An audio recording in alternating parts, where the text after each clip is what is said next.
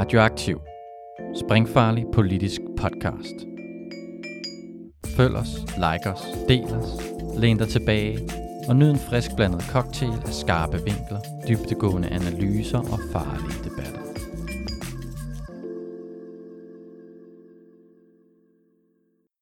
Velkommen til 20. episode af Venstreorientering.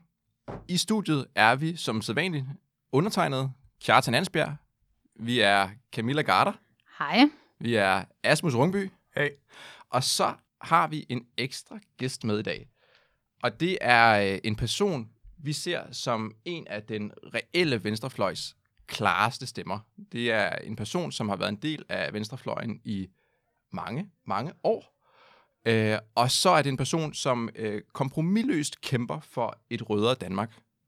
Det er dig, Jan Hoby. Uh, tak for de rosende ord.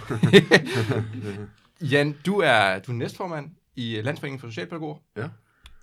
Du er øh, venstrefløjs veteran med ja. Ja. et langt generalieblad fra Ja. den faglige kamp. Ja. Og øh, så tilhører du øh, den samme del af den sådan, kritiske, socialistiske venstrefløj, som, øh, som vi gør. Er det korrekt? ja, det er det. Det er meget præcist. Hvad er ellers vigtigt øh, at vide om dig, før vi øh, går i krig? Jo, man kan sige, at jeg har jo i realiteten øh, gjort det til mit livsprojekt at øh, bryde øh, øh, den socialdemokratiske fagbevægelses dominans over arbejderbevægelsen. Øh, og at bryde Socialdemokratiets øh, dominans øh, i arbejderbefolkningen. Øh, fordi jeg ikke tror på, at reformismen eller dens nyliberale udgaver har nogen svar øh, på de situationer, vi står i. Så man kan sige, at øh, den socialdemokratiske fagbevægelses krise er Socialdemokratiets krise, som er reformismens krise. Og der bliver vi nødt til at gøre noget andet end det, vi har gjort i mange år. Så vi kan ikke kigge ind på Socialdemokratiet og, og, og fagbevægelsen og arbejderbevægelsen på samme måde, som vi gjorde i det 20. århundrede. Vi bliver nødt til at, at kigge på det i det 21. århundredes kontekst. Og det betyder, at vi be, bliver nødt til at bevæge os ud af skyggen på det å, som i dag, jeg opfatter som i dag, er, er, er, er det, som den socialdemokratiske dominerede fagbevægelse øh, øh, er på, på arbejderklassens frigørelse. Så det er kort træk det, jeg sådan, øh, bruger min tid og kræfter på, på at opbygge en ny faglig militant venstrefløj og en, og, og en ny socialistisk venstrefløj. Og det lykkes ved tiden vise. Det lyder som om, du har et nemt liv, Jan. Nej, desværre. Det er derfor, vi kun er fire, ikke? men, øh, men nej, det er ikke nemt. Det er faktisk, øh, det er faktisk tilbage til, til, til basis. Altså det er at starte helt forfra, selvom vi har en på mange måder øh, en stærk position parlamentarisk i enhedslisten, så er der jo stadig masser af ting, der skal ske, hvis øh, enhedslisten skal blive bæredygtig og, og, og, og levedygtig og, og for, øh, inkluderende socialistisk fællesskab for de mange. Ja. Så. Det er, altså, det er jo sød musik i, i vores ører, og nu nævnte du det her med at øh, altså, føre os ud af skyggerne. Og det er jo i virkeligheden også det, vi... Øh, altså, du skal hjælpe os lidt med i dag. Altså, de, øh, de skygger, der er de historier øh, om, hvad der sker omkring i verden, som vi normalt behandler, mm. øh, dem skal vi jo have altså, belyst. Øh, og vi, øh, vi glæder os til at have dig med på, på holdet i dag, og, og høre dine takes på, hvad der, hvad der sker i verden. Og så, øh, så synes jeg egentlig bare, at vi skal give os i kast med det, for der, der er rigeligt at tale om.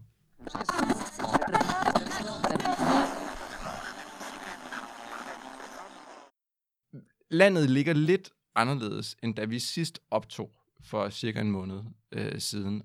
Og dengang, der var vi kort inde på det her med, at coronaen den var opblusset, og det var ikke mindst øh, takket være de mange minkfarme, vi har her i landet. Og på den baggrund, der jokede vi lidt med, at det kunne godt være, at man havde et problematisk forhold til dyr i, øh, i Kina, øhm, men at vores omgang med mink og alle mulige andre dyr herhjemme er mindst lige så irrationel øh, og problematisk. Øh, og oh boy, øh, fik vi ret i det. Et par, et par dage efter, der blev der indkaldt til pressemøde, og Kåre Mølbak fra Statens Serum Institut øh, forklarede, at øh, virusen, coronavirusen, den var muteret i danske mink, øh, og at det kunne risikere at gå ud over den øh, samlede sådan, verdens vaccine. Og ja, vi kunne, Danmark kunne faktisk blive det nye øh, Wuhan. Og på den baggrund, der beordrede statsministeren alle mink slået ned. Jeg hørte om det. Du har måske, du har måske hørt om det. Det, der har, det har været lidt i medierne. Øh, det har i den grad fyldt overskrifterne alle steder. Det viser nemlig, at øh, regeringen ikke havde lovhjemmel til at øh, kræve de her mink øh, slået ihjel. Øhm, så regeringen brød loven, og der er også noget, der tyder på, at regeringen var vidne om det. Den burde i hvert fald have været vidne om det, for det har stået forskellige steder i materiale, som forskellige ministre har, øh, har haft tilgængeligt. Det har kostet fødevareminister Mogens Jensen øh, sit politiske liv, men øh, det stopper ikke der. Altså, der er krav om undersøgelseskommissioner, advokatundersøgelser, og så kræver højrefløjen, at statsministeren, øh, som gav den her ordre, øh, tager ansvaret og trækker sig. Øhm, så vi er oppe på de helt store navler. Og jeg tænkte, at vi måske lige bare ganske kort øh, skal vende, hvor vi hver især står på det her spørgsmål. Altså, hvor, al- hvor alvorligt er det her, hvis det er alvorligt, øh, altså det regeringen har gjort? Asmus, du ligner en, der gerne vil, øh, vil, vil vil- komme med det første bud på det. Vil du vide, hvor jeg står? Ja. Jeg står på toppen af et bjerg af afdøde mink, Som presser sig op fra den frosne jord. som er faldet ud af en, af en ligetransport her. Et sted ude på den jyske landevej. Eller sådan noget. Ej, jeg synes virkelig, det er stukket af, det her. Det, det, det tror jeg, det vil sige. Altså sådan, mm, hvor, hvad er det, der er sket? Altså det, det synes jeg er helt oprigtigt og rigtig interessant, der ligesom gør, at alle danske medier har sådan tvunget sig selv til at sådan køre sådan artikel på artikel med sådan flæbende mink, øh, minkfarmer, eller hvad hedder de, minkavlere. Ja. Ikke? Altså, hvor de sådan græder øh, snot og, øh, og bløder knæ på knæene, og altså sådan generelt er meget kede af det. Og sådan, jeg kan godt se, at der er en grund til at være lidt, lidt, lidt misfornøjet i deres situation, men altså, hvorfor er det, at der, der kommer så sindssygt meget opmærksomhed til de her mennesker, som har ligesom allerede har fået stillet udstillelse, at de skal have et ny, altså en masse af penge og masser af erstatning for alt det her, og ej, hvor er det synd for jer, og sådan noget. Altså, de skal nok ligesom klare sig. Det var ikke dem, der havde det værst, og det er ikke dem, der kommer til at have det værst. Men, øh, men fordi de har sådan nogle døde dyr. Ja, men jeg vil bare gentage mig selv fra øh, sidste podcast. Det var et erhverv i sænk i forvejen. De øh, danser bag lukkede døre. De får den fedeste pension, de nogensinde kunne have drømt om. Og så vil jeg sige, at jeg lige vendt tilbage fra en jysk landevej, og der er fandme stadig øh, minkavl i gang. Det lugter i hvert fald sådan. Okay. Jamen, altså, spændende. Det er der nok nogen, der skal få sat, øh, få sat en stopper for. Men altså, for at svare på, på altså, det, spørgsmål, du stillede, som måske var retorisk, altså hvorfor er det, medierne øh, kører rundt i det, så er det jo fordi, at regeringen har brudt loven. Man har handlet, uden at der var et lovgrundlag. Og altså, det der en masse, der siger, er helt enormt alvorligt. Det, det, det, det, jeg ved ikke, hvad, hvad, hvad, hvad, hvad tænker I om det? Er det den skandale, det bliver gjort til? Jan, hvad har du øh, af tanker om at øh, Nå, slå mink ihjel, uden at øh, have, have loven i hånden til det? Jamen altså, det er jo totalt fuck up. Det kan man jo ikke være uenig i. Og vi, man kan i hvert fald ikke som venstre til at tænke, at øh, det er rigtig fedt, at øh, en regering ikke har øh, lovhjelmen på plads. Øh, når det er så sagt, så kan man bare sige, at øh, det er det, når man koncentrerer magt i meget få mennesker, og det er meget få mennesker, der siger, at det er mig alene, der realiteten er de vise sten, og jeg er alene hvide, og jeg styrer mit øh, øh, projekt. Der er problemet her. Det er magtfuldkommenhed i sin øh, aller yderste konsekvens, og nu rammer det Mette Frederiksen som en boomerang, men det, der i virkeligheden er skandalen i det her, er for mig at se, at øh, det ikke skete langt tidligere, at man aflevede det. Og hele diskussionen omkring øh, det der med, at et erhverv, som man i realiteten på grund af en sundhedskrise, en klimakrise og en fødevarekrise, i realiteten har budt burde have afviklet for lang tid siden. Altså det er jo ikke ukendt, øh, hvad problemerne er i det. De her, de her mink, de skal alligevel øh, slås ihjel og pelses. De er alene i fangenskab, fordi at der er nogle folk, der har tænkt sig at udnytte deres lille sarte krop øh, til at nogle overklassetyper øh, i både Danmark og i udlandet kan rende rundt med dem omkring halsen eller omkring øh, ryggen og armene. Og, og i virkeligheden så er hele diskussionen, jeg synes, der er manglet det her, det er det der med, at der er erhverv, der hele tiden igennem tiden er afgået ved døden, og ikke har kunne fortsætte, fordi at fremtiden og den udvikling, der har været i realiteten, har gjort, at man ikke skulle have de her erhverv mere. Mm. Og hele diskussionen om, om øh, hvad det hedder, klimakrisen og sundhedskrisen og fødevarekrisen, er jo realiteten blevet sat på sporet i den her situation. For det handler om, at alle falder i svime om, at der, om, at der er 6.000 øh, mennesker, som er hvad det hedder, afhængige af, af, af den her industri. Og der bliver man bare nødt til at sige, at øh, der er det jo bare, at man skulle have sat en plan i værk for, hvordan man omskolet de her folk på en ordentlig og værdig måde. At de folk, øh, de burde få en, hvis de ikke kunne få arbejde, det kan man ikke nødvendigvis, men de fik nogle ordentlige vilkår på i realiteten at lave den her omskoling. Og der synes jeg virkelig, når man ser, at øh, nødvendighedens politik øh, i realiteten skinner igennem i, i, i den her øh, debat, fordi at øh, når det handler om minkavlerne øh, og det erhverv, så stiller de jo et ublå krav. De vil have, jeg tror, det er 27 milliarder. Yes. Øh, og udgangspunktet er, at øh, der langt inde i, på Christiansborg er politisk opbakning til det krav, men at offentlige ansatte skulle stille krav om 5 milliarder til at, at lave en ligeløns- og, og, og lavlønspulje, der kunne øh, hæve øh, bunden af de ufaglærte kvindefag øh, i den offentlige sektor, det er nærmest øh, gør, at vi er på øh, randen af stat bankerotter. Det siger jo noget om, at det her det er et klassetema. Altså jeg synes virkelig, at det der er det skillelinje, at det her det handler om klasse. Øh, punktum. Og de der få minkanger, som, øh, som Gilde siger, det er et, et erhverv, der har været i krise længe, men der er jo nogen, der har scoret øh, kassen på det her. At de så har tænkt sig at malke den på vejen ud, øh, det er helt utilstedeligt. Og det siger jo noget om, at den her socialdemokratiske regering i realiteten, også i, i den her sag, udover at de har været med til at aflive det, øh, mængdene, er på den forkerte side. Mm. Øh, og i realiteten så kan jeg slet ikke se, at de skal have den kompensation. Øh, og det vil jeg bare håbe på, at venstrefløjen ikke deltager i. Det, de, man Altså, skal det er jo have. klart en, en meget, meget større kompensation end alle mulige andre erhverv. Alle mulige andre situationer, hvor at staten er været nødt til at intervenere øh, i den her gang, altså helt klart med et dårligt lovgrundlag bag sig, ikke? Altså sådan, men af, så at sige, rigtig seriøse befolkningssundhedslige grunde, ikke?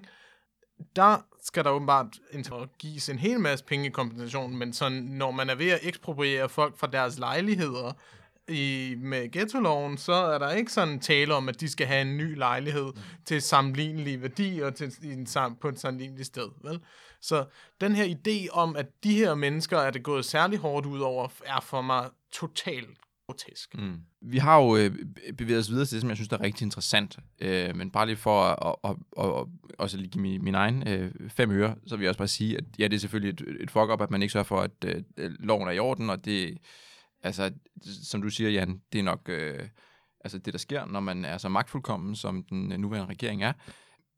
Men når det så er sagt, altså de her mink var blevet slået ihjel alligevel, fordi man altså øh, en uge efter eller et par dage efter, så havde man fået, altså med det samme flertal, havde man besluttet sig for, at det skulle man gøre. Så jeg, jeg, for mig er det heller ikke det, det store problem, at man har gjort det her.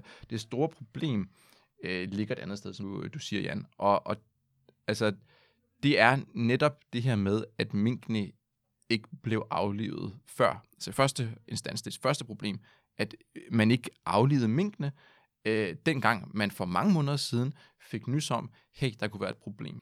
Og det interessante, det er jo virkelig også det, som enhedslisten fælder Mogens Jensen for. Det er jo ikke, øh, det er jo ikke for at, at, at, at bryde loven, det er jo for ikke at orientere Folketinget, og det må man sige, det, det synes jeg, de har fuldstændig korrekt. Øhm, men det interessante er jo, hvorfor er det, man så ikke gjorde det dengang, for mange måneder siden, da man fik at vide, at mængden kunne udgøre en sundhedsrisiko. For regeringen har jo altså været meget, meget optaget af at fortælle os alle sammen, at det, den gik allermest op i, det var folkesundhed. Så måtte alt andet ligesom vige. Men det er jo ikke det, der er sket her. Der er jo noget, altså der har folkesundheden måtte vige for minken. Og, og, og hvorfor er det, altså hvorfor sker det?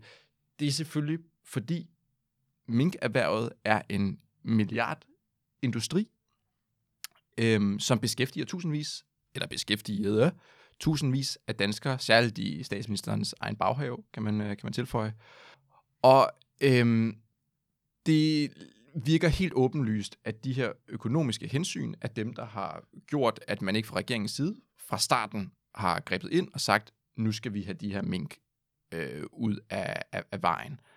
Og det for mig det er den egentlige skandale. Og det, jeg synes, der er interessant at tale om her, det er jo det, som jeg også allerede har været lidt inde på, det er, hvordan øh, kapitalinteresser som minkerhvervet øh, ligesom er blevet skånet. Øh, og jeg tænker, at det, det, altså, det jo nok også siger noget mere generelt om det samfund, vi lever i, og om kapitalinteresser under coronakrisen generelt. Er, er det også sådan, I ser det? Ja, Altså i korte træk, ikke? Altså det er jo dybest set sådan, så kapitalinteresserne faktisk har altså blevet tjent af rigtig, rigtig mange ting under corona. Det er latterligt store støttepakker til private erhverv, vi har lavet. Mm. Gang på gang på gang, og hver gang de brokkede sig, så var der et eller andet galt, men sådan til forskningen, til socialforsorgnet, ikke noget, der minder om det. Man har lige for, for fanden for langt, langt om længe kunne tage sig sammen og lave en eller anden aftale med lærerforeningen, men det er med mig også kun, fordi man var streng nødt til det. Ikke? Altså, jeg synes, det, det er lidt sjovt at læse hele den her sådan, ting om, om coronastøtte og coronarespons. Altså, faktisk hele vejen igennem har tjent kapitalinteresser. Og har hele tiden været fortalt og forstået igennem sådan middelklasse domesticitet. Ikke? Vi har snakket om det før, mm. at det man skulle under, under fucking lockdown, det var, at man skulle lytte til Philip Faber og bage surdejsbrød. Ikke? Og der sådan, du skulle ikke sådan prøve at finde ud af, hvordan du overlever på dit ene studenterværelse, eller hvordan fanden du, øh, hvad hedder det, sørger for ikke at blive smittet ned i øh, møntmaskeriet, ikke? Eller sådan, det er, jo, det, er jo, det er jo et klasseperspektiv, det er blevet fortalt fra hele vejen igennem med det her. Og det er ikke klasser, vel? Det er fucking højkapitalen. Men jeg synes, at det, der har været en af de ting, der for mig har været slående, det var jo, at i starten af coronakrisen, der om uh, hjælpepakkerne og det, man kalder corona, uh, eller uh, uh, uh, keynesianisme, eller, velf- eller krisekensianisme, der, der, der, skete, der, der blev der skrevet blogge i hele verden, øh, også i Danmark, om at nu øh, var øh, nekrologerne omkring øh, neoliberalismen og nyliberalismen, de var, de var kommet i trykken, og de røg på blogsene, og alle skrev om, der sagde, en ny tid øh, øh, kommer lige om lidt. Og som du siger, Asbjørn, det der i virkeligheden har været problemet, det er, at alt vi har set, har været det modsatte. At, den, at man har i realiteten tjent kapitalens interesser, erhvervslivets interesser, og de rige er sådan set bare blevet rigere og rigere. Og, det, og jeg synes, øh, at man kan sige, at det der med, sund, øh, med, det der med at sund, øh, borgernes sundhed kommer i første række, indtil at øh, erhvervslivets interesser øh, kommer på spil. Ja, præcis. Så er det, og det samme var det jo, at diskussionen meget hurtigt kom, det her med grisene. Hvad med svinene? Mm. Øh, hvad med hønsene? Altså, de var ved at skide grønne grise, for at sige det mildt, på, på alle de her ting. Og det virker, og Socialdemokratiet, det er bare for min, min, min altså, analytiske tilgang til det, er at sige, at Socialdemokratiet har ikke sluppet ånden for korridorismen. Mm. Og de har ikke sluppet øh, alt det, de har rejst med siden øh, starten af 90'erne til øh, tilbedelsen af den neoliberale øh, tilgang til at løse verdens øh, problemer. Mm. Og jeg synes, at, at øh, coronakrisen har understreget det, men, men jeg synes i høj grad, at øh, situationer om minkgate, eller man kan sige mutantmængdene, har vist, at erhvervslivets interesser overstiger eller overgår eller har højere prioritet end folkesundhedens interesser. Ja, præcis. Og det er jo også altså sådan, det samme, når vi snakker klimakrise, at øh, der ikke bliver gjort noget som helst for at afvikle det landbrug, vi har. Og de med alle midler bliver der holdt økonomisk hånd under, mm. også ikke rentable øh, landbrug altså det, er jo, det er jo hele landbruget det her. Altså, det er jo en kæmpe underskudsforretning, hvis man tager landbrugs, øh, EU's landbrugsstøtte væk. Ikke også? Altså det er jo en kæmpe underskudsforretning. Det er ikke essentielt for vores fødevareforsyning overhovedet.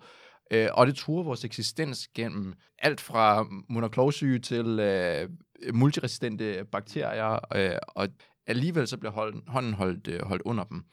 Og det er jo tegn på, at det, stadig er, altså, det er jo stadig kapitalinteresser, der dikterer ligesom, hvad er det for nogle brancher, der skal have lov til at eksistere i det her land, og hvem er der skal tjene på det. Men altså, som du også sagde, så det her, så har hele coronakrisen jo været præget af, at det netop er det private erhvervsliv, man holder hånden under. Altså, den måde, det er blevet framet på fra øh, Socialdemokratiets og Venstrefløjens side, det er jo, at man har sørget for, at, øh, at virksomheden ikke bliver så fyre folk. Og til en vis grad er det rigtigt. Men det, det i lige så høj grad har sørget for, det er, at dem, der tjener penge på at eje virksomheder, har kunne fortsætte med at tjene penge på at eje virksomheder, og altså udbytte deres medarbejdere, eller i det her tilfælde, kunne trække penge direkte ud af, af statskassen. Det kommer jo så blandt andet i udtryk, til udtryk i det, som du også siger, Jan, at man har, øh, virksomhederne har i, i stor stil har fortsat med at altså sådan betale øh, udbytte øh, til deres, øh, deres aktionærer. Nogle steder rekordhøjt udbytte. Ja, altså i løbet af de første fire måneder øh, af året her, hvor der, coronakrisen jo havde både herhjemme og udlandet, der udbetalte danske virksomheder 41 milliarder kroner i udbytte.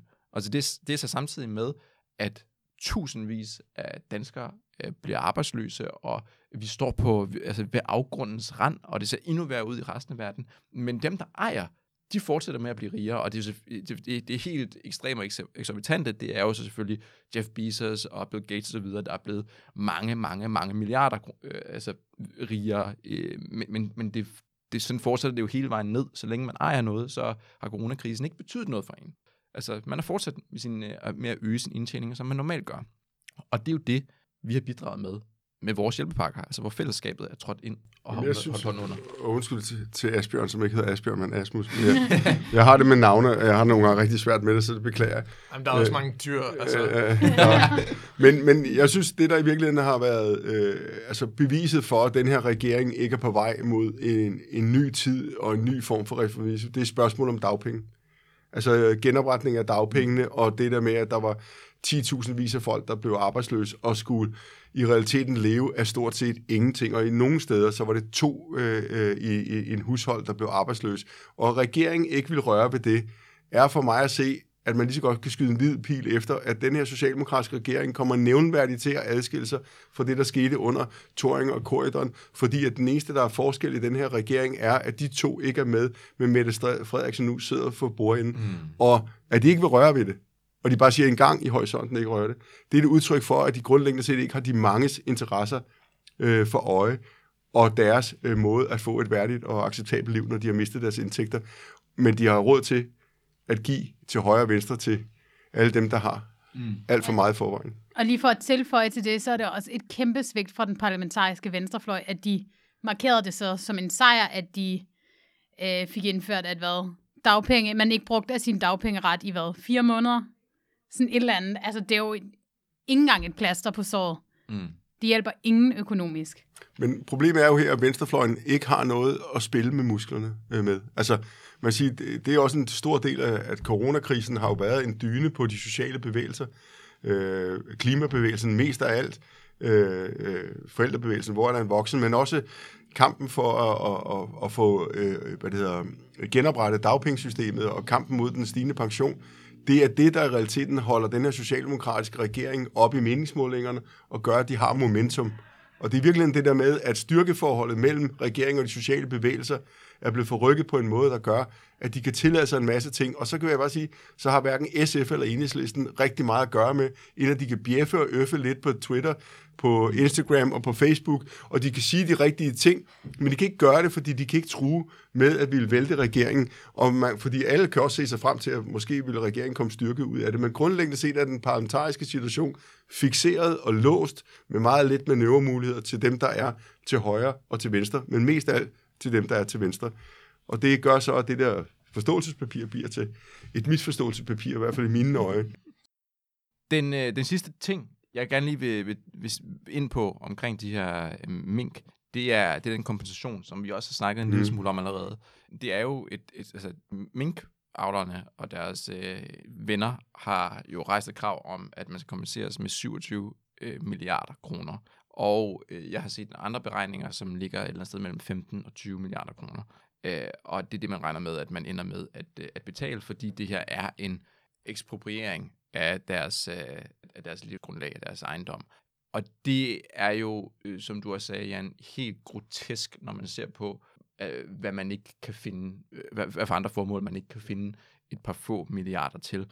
Øhm, men det er jo noget, man kan, altså man kan nærmest blive nødt til det, fordi altså, loven er strikket sammen, som den er. Grundloven er strikket sammen, som den er. Ikke? Også, altså det her, hvis det her er ekspropriation, så skal man kompenseres med det fulde beløb for øh, altså værdien af ens ejendom. Øh, og det viser jo, tænker jeg, hvor grundlæggende øh, borgerlig øh, og ulighedsskabende kapitalistisk vores grundlov er, og hvor stor en del af problemet den er. Det, det faktum, at man kan have meget, det gør, at man til hver en tid skal have meget. Hvis man, altså, af, uanset hvor, hvor god grund det kan være til, at man mister det, så skal man, altså, skal staten fortsat med at opretholde ens øh, levestandard til det niveau, man havde før. Og så altså, må øh, folk, der har arbejdet som tjenere, har mistet deres job, eller som arbejder i alle mulige andre prekære situationer, de må sejle deres egen søge og forsøge at overleve på dagpenge, hvis de har det, eller på kontanthjælp, hvis ikke de har øh, ret til dagpenge. Og så kan vi bruge de her 20 milliarder på, øh, på, på minkfarmer, fordi de forvejen har meget. Og det er jo essensen af, øh, af, af problemet øh, herhjemme. og at det er minkfarmerne, dem der ejer det, der får kompensationspakker, ikke alle de, faktisk 6.000, primært ja. ikke danske statsborgere, Ja, ja, præcis. der arbejder på minkfarmene, mm. østeuropæer, som har boet her i landet i mange år, har deres familie, har deres børn er vokset op her. Der er jo ingen garanti for dem, til at de kan øh, blive her og øh, erhverve sig her på nogen som helst måde. Nej, men det, du, du, du er fuldstændig ret. Altså, det er... Øh, hvis, du Det er har, hovedet skal, på sømmet. Altså, det er jo... hvis du har, skal du have mere. Og hvis du bare er lønarbejder, så er det bad luck.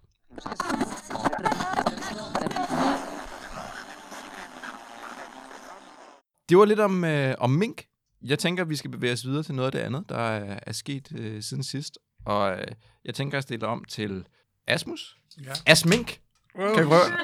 Oh shit. Oh, Nej, Asmus- Nej, nej, nej. Asmus, vores, øh, du, altså, du er nærmest vores øh, USA-korrespondent. korrespondent. Ja, ja.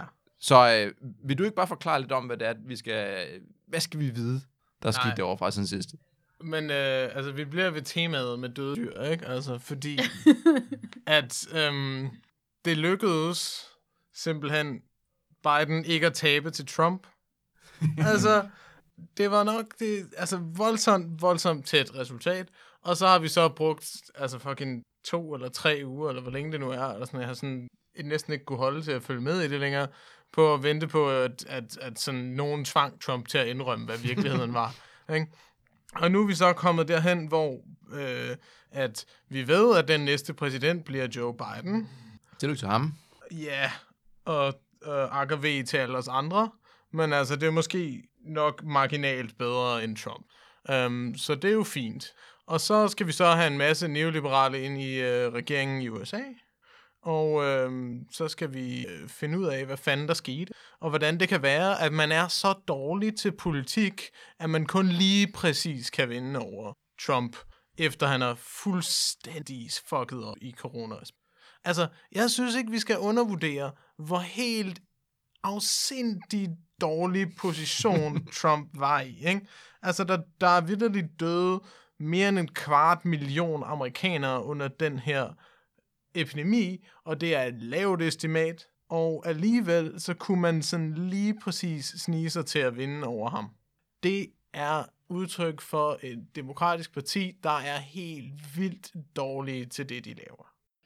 Især fordi de har vundet på sådan en, en ø-rådsstrategi, sådan en survivor. Øh, vi er margin- der er marginalt flere mennesker, der mindre kan lide Trump end os. Det er jo ikke, fordi man har vundet på et politisk projekt. Nej, nej. Altså sådan, det, det, det, der er sket, det er, at Trump har tabt, og så har Biden ved at være ikke-Trump vundet. Altså, det er ikke en sag, hvor at der er nogen, der har givet Biden et mandat til hverken A, B eller C. Han har bare mistet pladser i repræsentanternes hus, og med al sandsynlighed fejlet i at vinde senatet, og så er han så vel præsident, indtil hans hjerne går fuldstændig i stykker. Så Det er det, der er sket.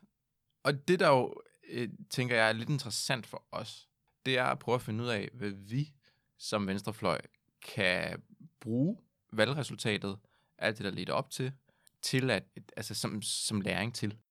Så det tænkte jeg, det var det, var det vi, skulle, vi skulle vende lidt. Hvad, hvad tænker I om det? Hvad er, hvad er noget af det, vi kan tage med fra? noget, noget af det, vi kan lære, ikke? Det er, at man faktisk skal føre en valgkampagne, og man faktisk skal være deltagende ude i folks liv. Ikke? Det er ikke nok At- over Zoom. Nej, Okay. at, at, at Zoom er en, altså sådan en slags tortur, man gør i stedet for at have rigtige møder. Ikke? Og så er det, har det været så meget mere effektivt de steder i USA, Michigan, Georgia, flere andre steder, man kunne nævne, hvor man har haft en aktivt organiseret proces, hvor man har fået folk til at deltage, gjort folk til del af den politiske bevægelse, og så fået dem til at være motiveret og givet dem en grund til at deltage. Mm. Så i, især i Detroit, området omkring Detroit, har man jo set helt vildt høje altså stemmetal, og har været afgørende for, at Biden vandt Michigan. Mm. Og det samme kan man se i området omkring Atlanta i Georgia, hvor at man har organiseret, og man har kørt folk til stemmestederne, og den her fysiske deltagelse, den her aktive organisering, har simpelthen været det, der har tippet Biden over i dybest set alle de her stater, han har vundet. det synes jeg er enormt, øh, enormt spændende indsigt. Og man kan sige, at der er selvfølgelig nogle, nogle væsentlige forskelle på øh, USA og Danmark. Ik- ikke mindst det, at man i USA bliver nødt til at øh, køre af enormt langt for at komme til et valgsted, og der er distancerne lidt mindre i Danmark, men ikke desto mindre kan vi jo selvfølgelig godt lære noget af det her med, at man bliver nødt til at øh, organisere folk, engagere folk, og, og give dem noget faktisk at, og, og, og gå op i, hvis de skal ned og stemme, i stedet for bare at tro, at de kommer af sig selv og stemmer uhyret væk. Hvad, hvad tænker I ellers, der kunne være ting, øh, som vi kan tage med? Øh, Og man kan sige, forlængelse af det, som Asmus siger, så er man kan sige, Black Lives Matters og kampen for 15 dollars i timen har mange steder i USA øh, gjort en, en enorm forskel. Altså, der er jo masser af, af res, øh, meget progressive resultater, der er kommet øh, oven på præsidentvalget, fordi der har været valg til mm. alle mulige andre øh, ting, og mange andre emner har været øh, afgjort i, i forskellige stater. Og der, og der kan man bare sige, at det, der har været udgangspunkt, det er, at folk har været på gaden. At der har været sociale bevægelser i, i større eller mindre omfang, som i realiteten har trukket stemmer til, og i realiteten skabt et håb. Altså, Biden skabte ikke noget håb. Øh, men det, der har været, det er, at der er en række også af de progressive demokrater, og dem, som har øh, forbindelser til øh, Demokrat, Democratic Socialist of America, DS, øh, DSA, at de har trukket store stemmetal. Så det viser også, at et venstreorienteret progressiv dagsorden i realiteten kan trække folk til sig og kan ska, øh, øh, skabe opbakning. Men det løser ikke det grundlæggende øh, problem for den amerikanske øh, arbejderklasse eller befolkning, som er i al, al almindelighed. Og det er jo det, der i realiteten er diskussionen, det er jo, at den klassiske diskussion, som der også herhjemme i forhold til Socialdemokratiet, har også været i forhold til øh, Bernie Sanders og The Green Party. Altså hele det her diskussionen om, at hvis du ikke som venstreorienteret støttede Biden, så øh, var det de facto, at du støttede Trump. Mm. Og hele den diskussion har været en klassisk rejsende, som vi også har haft i Europa og i Danmark i forhold til, at øh, hvad er alternativet? Hvis vi kritiserer Socialdemokratiet, så er det de facto, at du ønsker dig, øh, hvad det hedder, Ellemann og, og tosserne på det, højrefløjen tilbage. Og det er hele den her måde, som, hvor man laver stråmandsargumenter, og hvad det hedder omvendt, øh, øh, hvad det hedder, lommeteori, hvor man tillægger venstrefløjen for i realiteten at sige, at I er bare rene ranke, I vil ikke, og I vil bare... Og man kan sige, at den amerikanske venstrefløj er jo langt mere præget af den her diskussion, end nogen af os andre er. Vi har selvstændige organisationer, vi har selvstændige bevægelser. Måske er de ikke så meget bevægelse, de bevægelser, vi har som fagbevægelsen, men grundlæggende set øh, er man tvunget ind i at sige, vil du have indflydelse, bliver du nødt til at støtte op om det demokratiske øh, partis projekt og acceptere det, øh, den, den, den maskine og den logik, som der er institutionaliseret i, hos demokraterne. Og problemet er bare, at jeg synes, som Asmus siger også, men det der med, at, at i realiteten så er, er Bidens vigtigste øh, bedrift er, at han har været heldig, at der har været en aktiv, aktivistisk venstrefløj og en, en basisorganisering, særligt blandt de sorte, men også i de sociale bevægelser og kampen for 15 øh, dollars i timen. Og det er virkelig det, der øh, har været drivkraften, og hele dem, der har været omkring Bernie Sanders, og hele hans bevægelse øh, for den politiske revolution, eller har været drivkraften også i den øh, udadvendte banke på dørene, kørt øh, folk fra det ene valgsted til det andet. Mm. Og det, man kan sige, det var ikke lykkes uden dem. Men hele diskussionen er så, hvad gør man ved det? Og hvad gør man ved alle dem, der er blevet valgt? Der er blevet valgt fantastiske demokrater, som aldrig har haft sådan en mangfoldighed i forhold til seksuel orientering, køn, men også i politisk ståtid. De ligger alle sammen til venstre for, for det, man vil kalde Socialdemokratiet i, i Danmark. Øh, og det er enormt positivt, og derfor kan jeg godt forstå det dilemma, man sidder i på den amerikanske venstrefløj, at man faktisk har valgt nogle demokratiske øh, kandidater, som i realiteten repræsenterer noget, der er til venstre for Socialdemokratiet. Og hvorfor skulle man så ikke blive i det hus og i den øh, konstruktion? Og der er jo kæmpe store øh, diskussioner internt i DSA lige nu, om man skal prøve at søge øh, indflydelse i en Biden-regering, eller om man skal øh, øh, holde sig udenfor, og så kritisere og lave græsrådsarbejde, blandt andet sammen med øh, Rashida Talib og AUC, som rent faktisk også er medlemmer af DSA. Altså, der hvor jeg er ved at være med det, ikke, det er, at man kan simpelthen ikke forlade sig på indflydelse i det store parlamentariske parti. Fordi at måske man får noget, måske man får, får lidt noget andet, ikke? Men man, altså det bedste, bedste outcome, jeg kan se med den så det er, at man ender sådan som fucking enhedslisten, ikke? Hvor at man kan måske afbøje nogle af de værste dele af det her sådan store partis øh, agenda, men man kan ikke sætte nogen krav, og man har ikke nogen uafhængig magtbase, eller noget som helst uafhængigt sted at stå. Så man vil altid være vedhæng ved dem. Så på en eller anden måde, så synes jeg, at det vi kan sådan se er sammenligne de to steder, ikke? det er sådan behovet for, at en venstreorienteret organisering skal være baseret i sig selv. Ikke? At det kan ikke være et vedhæng til et større parti, og det kan ikke være et vedhæng til en anden ting. Det bliver nødt til at basere sig selv, og det bliver nødt til at sætte sin egen agenda. Mm. Jeg synes, det er super interessante øh, pointer, og for mig, der viser det, altså også ikke mindst den fremgang, som rigtig mange progressive øh, altså jo havde, og den grund til, at de blev valgt ind, øh, det viser, at folk godt kan gennemskue centrisme. At centrisme ikke adresserer de grundlæggende forhold, som der betyder noget i deres liv. Grunden til, at de kan blive overbevist af Trump, altså en mand, som der på alle tænkelige måder er så øh, urovækkende, Øh, og inkompetent, som man kan forestille sig. Grunden til, at man kan finde på at stemme på ham, og ikke Joe Biden, det er fordi Joe Biden ikke tilbød noget af hans politiske projekt, indhold og ingenting, som der altså, vil forbedre almindelige folks liv. Det vil man, kan man sige, det, altså, det gør det lidt alligevel, og han lovede lidt om noget, altså sådan, at man skulle eftergives lidt øh, hvad det, student debt, og øh, han har også øh, altså sådan, lovet højere mindsteløn og så videre. Men det er jo ikke ham, der har stået i spidsen for de her ting. Og der er jo en, en, en, altså en begrænset tro, og det tænker jeg også en rettelig begrænset tro på, at han faktisk vil gennemføre de her ting, fordi han virker mere interesseret i at lave aftaler med republi- republikanerne osv. Dem, der har klaret sig godt, det er dem, der har tilbudt reelle materielle forbedringer af folks liv, og det er det, som der er vejen frem for venstrefløjen. Ja, det vil sige, jeg, jeg er i tvivl om, hvorvidt folk gennemskuer centrisme, men jeg er helt sikker på, at folk ikke bliver motiveret af centrisme. Det kan vi også godt sige, ja. Der- det, den kan jeg Og godt folk er uh, sick and tired af sådan the establishment. Altså på den måde vil en reel venstrefløj jo tale til rigtig mange af de venner, vælgere, der har stemt på Trump, fordi det er folk, der er pissetræt af uh, uh, de der overklassefolk Jamen, i de det vil- demokratiske parti De vil jo have noget at tilbyde. Ikke? Altså, det, ved, ikke, der vil være en grund til at stemme på dem. Der vil være noget at få ud af det. Ikke? Altså, og så kan vi snakke nok så meget om, om sådan historier og gode sager og dårlige sager eller sådan noget. Men hvis du fucking tilbyder mig bedre løn og bedre arbejdsforhold og et bedre sted at bo, ikke? jamen så er det sgu da dig, jeg stemmer på. Altså sådan, hvis du har noget at give mig, Altså, hvorfor skulle nogen stole på nogle af de her lortepolitikere? Altså sådan, mm. det kan jeg sgu da godt se, at man ikke gider.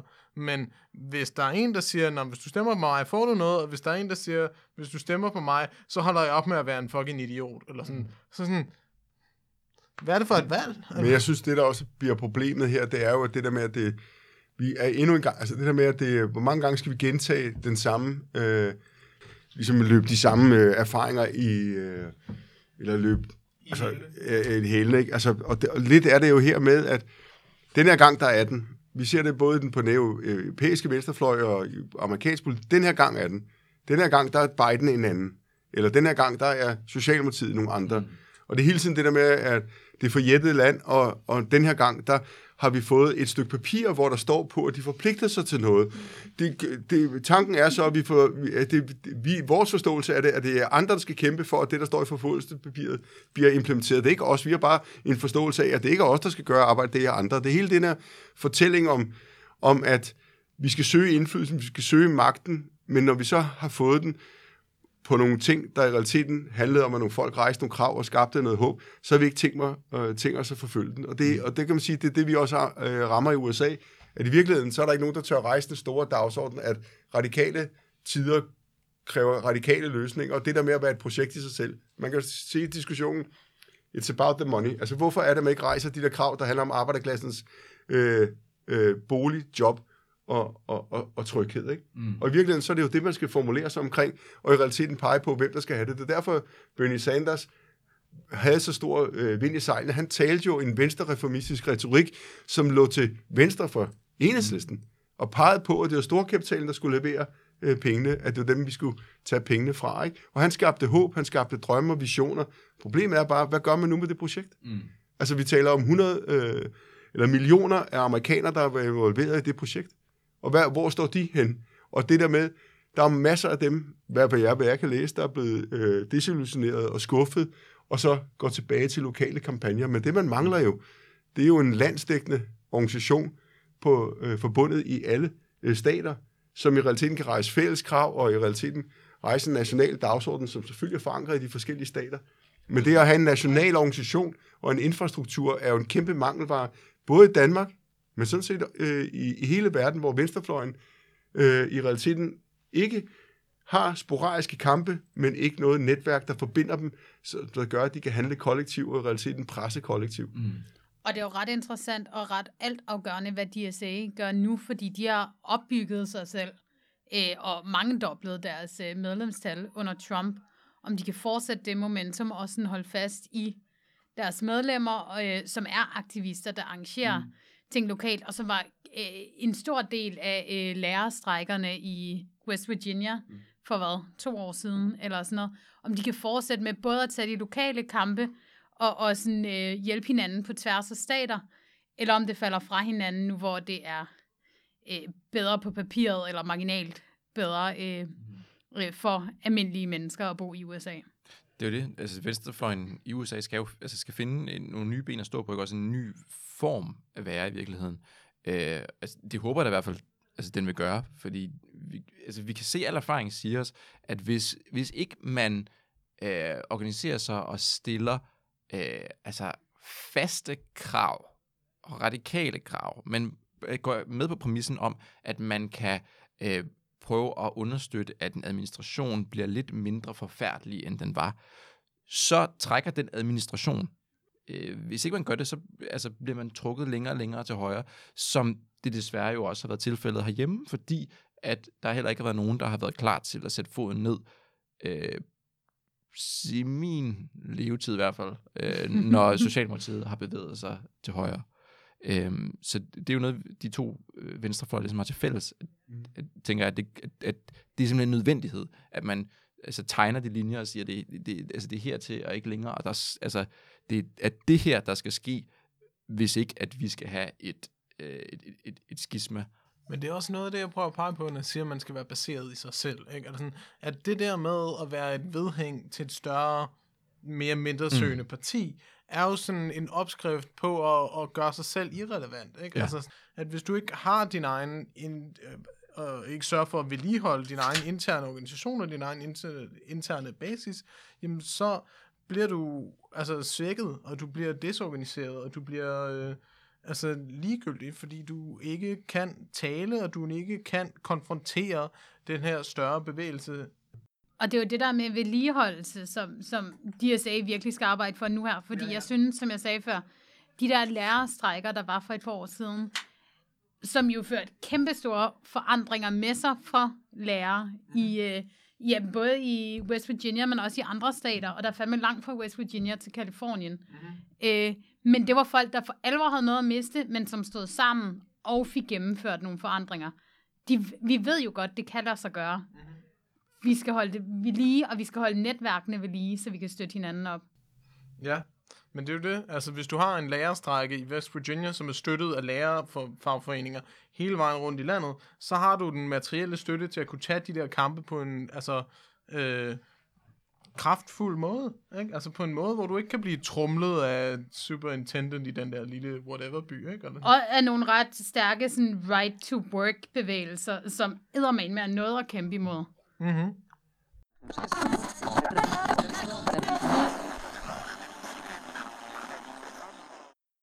Spændende. Jeg synes, det er nogle øh, vigtige, fine pointer, vi fik øh, på bordet her. Og i virkeligheden så leder det hele os øh, videre til det sidste, jeg tænkte, vi skulle øh, tale om i dag. Og øh, grunden til, at det er helt perfekt, at, øh, at vi har dig med i dag, Jan, det er, det er spørgsmålet om, hvordan vi opbygger en ny venstrefløj herhjemme. For et gennemgående tema øh, i meget af det, som vi snakker om her i podcasten, det er jo, hvordan venstrefløjen herhjemme har, har svigtet helt og aldeles. Og vi har været inde på det øh, adskillige gange allerede i dag, og det er også noget af det, der går igen i det, vi selv har skrevet om, og det er også noget af det, der går igen i det, du ofte skriver om, Jan. Øhm, det er det her med, hvad er det for en venstrefløj, vi har hjemme? Hvordan er det, den har svigtet, og hvordan kommer vi ud over det? Og bare for at øh, etablere sådan et fælles grundlag, så tænker jeg, at jeg som det allerførste godt kunne tænke mig at høre jer om, hvad I, altså, hvor I, I egentlig mener, at venstrefløjens allerstørste svigt består. Altså, hvad er det, hvad er det største svigt, den største fejl ved venstrefløjen i dag? Og jeg tænker, at, øh, at jeg vil øh, sende den videre til dig som det allerførste, Jan. Hvis du må nævne sådan en ting. Men jeg synes ikke, at øh, der er nogen, der grundlæggende set har svigtet. Jeg synes bare ikke, de er i stand til at løfte den opgave, de har frivilligt valgt at påtage sig. Øh, man kan sige, at øh, enhedslisten, og jeg er selv medlem af enhedslisten, har sådan set ikke lovet noget. Øh, og, de, og de har ikke øh, lavet en kontrakt med befolkningen, og så dermed ikke øh, løftet det. Men man kan sige, det der er, er Venstrefløjens dilemma, er jo sådan en, en, en lang historie, der handler om, hvad, hvad skete der efter murens fald, øh, da de stalinistiske regimer kollapsede, og de kommunistiske partier imploderede. Og hvad var det så, vi kom ud af? Hvor var det, vi skulle orientere os henne? Og man kan sige, at øh, det gennembrud, der har været med Podemos, der var med refundationer, kommunister, øh, Arbejderpartiet i Brasilien, og, og alle de her forskellige øh, øh, knopskud, også, også her blandt enhedslisten, er jo succeshistorier. Mm. Øh, hvor man i realiteten skabte nogle nye former og, og slog pjalterne sammen, i stedet for at bekæmpe hinanden, så kæmpede man sammen. Og det der med at finde ud af, hvordan kommer vi ud af stalinismen og den gamle venstrefløj i 70'ernes skygge, og i realiteten positionere os i, i et nyt terræn øh, på nye vilkår. Hvordan bliver vi attraktive for de mange, og i realiteten bliver til arbejderklassens første valg på kampdagen og, og valgdagen. Og der kan man bare sige, at øh, der har været en, en, en, en angst for i realiteten at formulere sig for hårdt op, sådan som jeg ser det, i forhold til de erfaringer, der har været fra 70'erne, fordi der har været nogle katastrofale store erfaringer, eller katastrofale erfaringer, der har gjort, at man i realiteten er blevet splittet om alt mellem himmel og jord. Og, og der kan man sige, der er, har den strategiske og og taktiske og politiske vurdering, øh, både for Podemos, øh, for Enhedslisten øh, og for Arbejderpartiet i Brasilien og øh, ja, øh, hvad det hedder, øh, Syrizas øh, i Grækenland, og så fremdeles, der har jo været, at øh, man godt nok skulle skabe en platform for de mange, øh, betalte de få, men at man ikke må i realiteten grundlæggende set antaste øh, den kapitalistiske øh, samfundsformation. Øh, det har man måske haft programmisk noget stående med, men grundlæggende set, så var det, man lavede, var en variation af en venstreorienteret reformisme, altså en venstrereformisme, og hvor man kigger tilbage til nogle strategiske og taktiske ting om, hvordan man rejste krav, og hvordan man kæmpede.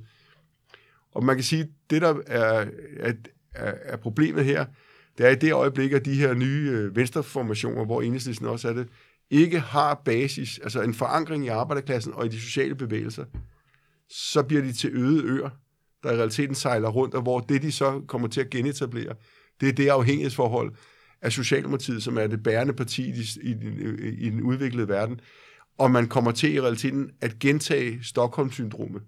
Altså det, som har været de kommunistiske partiers største øh, hvad det hedder, fodlænke, det har været, at man har set sig som nogen, der skulle korrigere og presse Socialdemokratiet til, en, til en bestemt politik, og det var det, den hele politiske liv og virke handlede om. Det handlede grundlæggende ikke om at erstatte Socialdemokratiet og deres hegemoni, og bryde deres, øh, øh, øh, kan man sige, øh, indflydelse på arbejderklassen og fagbevægelsen, men det er at, at, at stille sig tilfreds med, at vi er den frække lillebror, eller vi er underafdelingen. Og, og, og jeg vil bare sige, selvom jeg er medlem af enhedslisten, så synes på mange træk, at der er rigtig meget fornuftigt i det, så er enhedslistens største øh, problem i dag, at det er totalt dekoblet fagbevægelsen, øh, medlemmer og arbejderklassens levevilkårskampe. De har alle de rigtige politikker, men de har ingen mulighed for at blive forankret og dermed opbygge en, en, en social og politisk og faglig troværdighed, der gør, at folk tænker, det er fandme et godt sted, det er et sted, jeg vil være. Øh, jeg har stemt på Socialdemokratiet i 120 år, men jeg kan se, at de svigter mig. Og hvis man skal bryde den, så bliver man nødt til at sige, at der er ikke andet, i hvert fald mit udgang, at hvis de sociale bevægelser ikke kommer tilbage på, på gader og stræder, og vi får strejker og aktioner osv., så, så er der ingen bevægelse andet end til højre for SF og Enhedslisten. Mm. Det er jo den her med, at folk, altså sådan, vores venstreorienterede organisationer er bare ikke til stede i folks liv. Altså, det er en historie, jeg har fortalt til altså, de her typer, der sidder omkring bordet flere gange, ikke? Men sådan, der var fucking vælgermøde der, hvor jeg bor, ikke? Og det er ikke et, en sådan højreorienteret, øh, hvad hedder det, højborg, der, der hvor jeg bor, vel? Men der var repræsentanter fra Dansk Folkeparti, der var repræsentanter fra øh, fucking Socialdemokratiet, Venstre, Konservative, øh, Nye Borgerlige var der, men der var fandme ikke nogen fra SF, og der var ikke nogen fra enhedslisten. Ikke? Hvis, I, hvis de her organisationer har så lidt tilstedeværelse ude i verden, ikke? så er det da ikke noget under, at de ikke har forbindelse til andre organisationer. Altså, der er simpelthen behov for at være en materiel og være en virkelig del af folks liv, hvis det er, at man skal have deres loyalitet, og man skal have deres støtte i nogle svære politiske kampe. Så må man komme med noget, og man må fucking bidrage. Ikke? Så der er noget med forankring fra, fra Jan. Mm-hmm. Der er noget med tilstedeværelse for Asmus, og jeg ved godt, at det er meget for simpelt. Ja. Ja.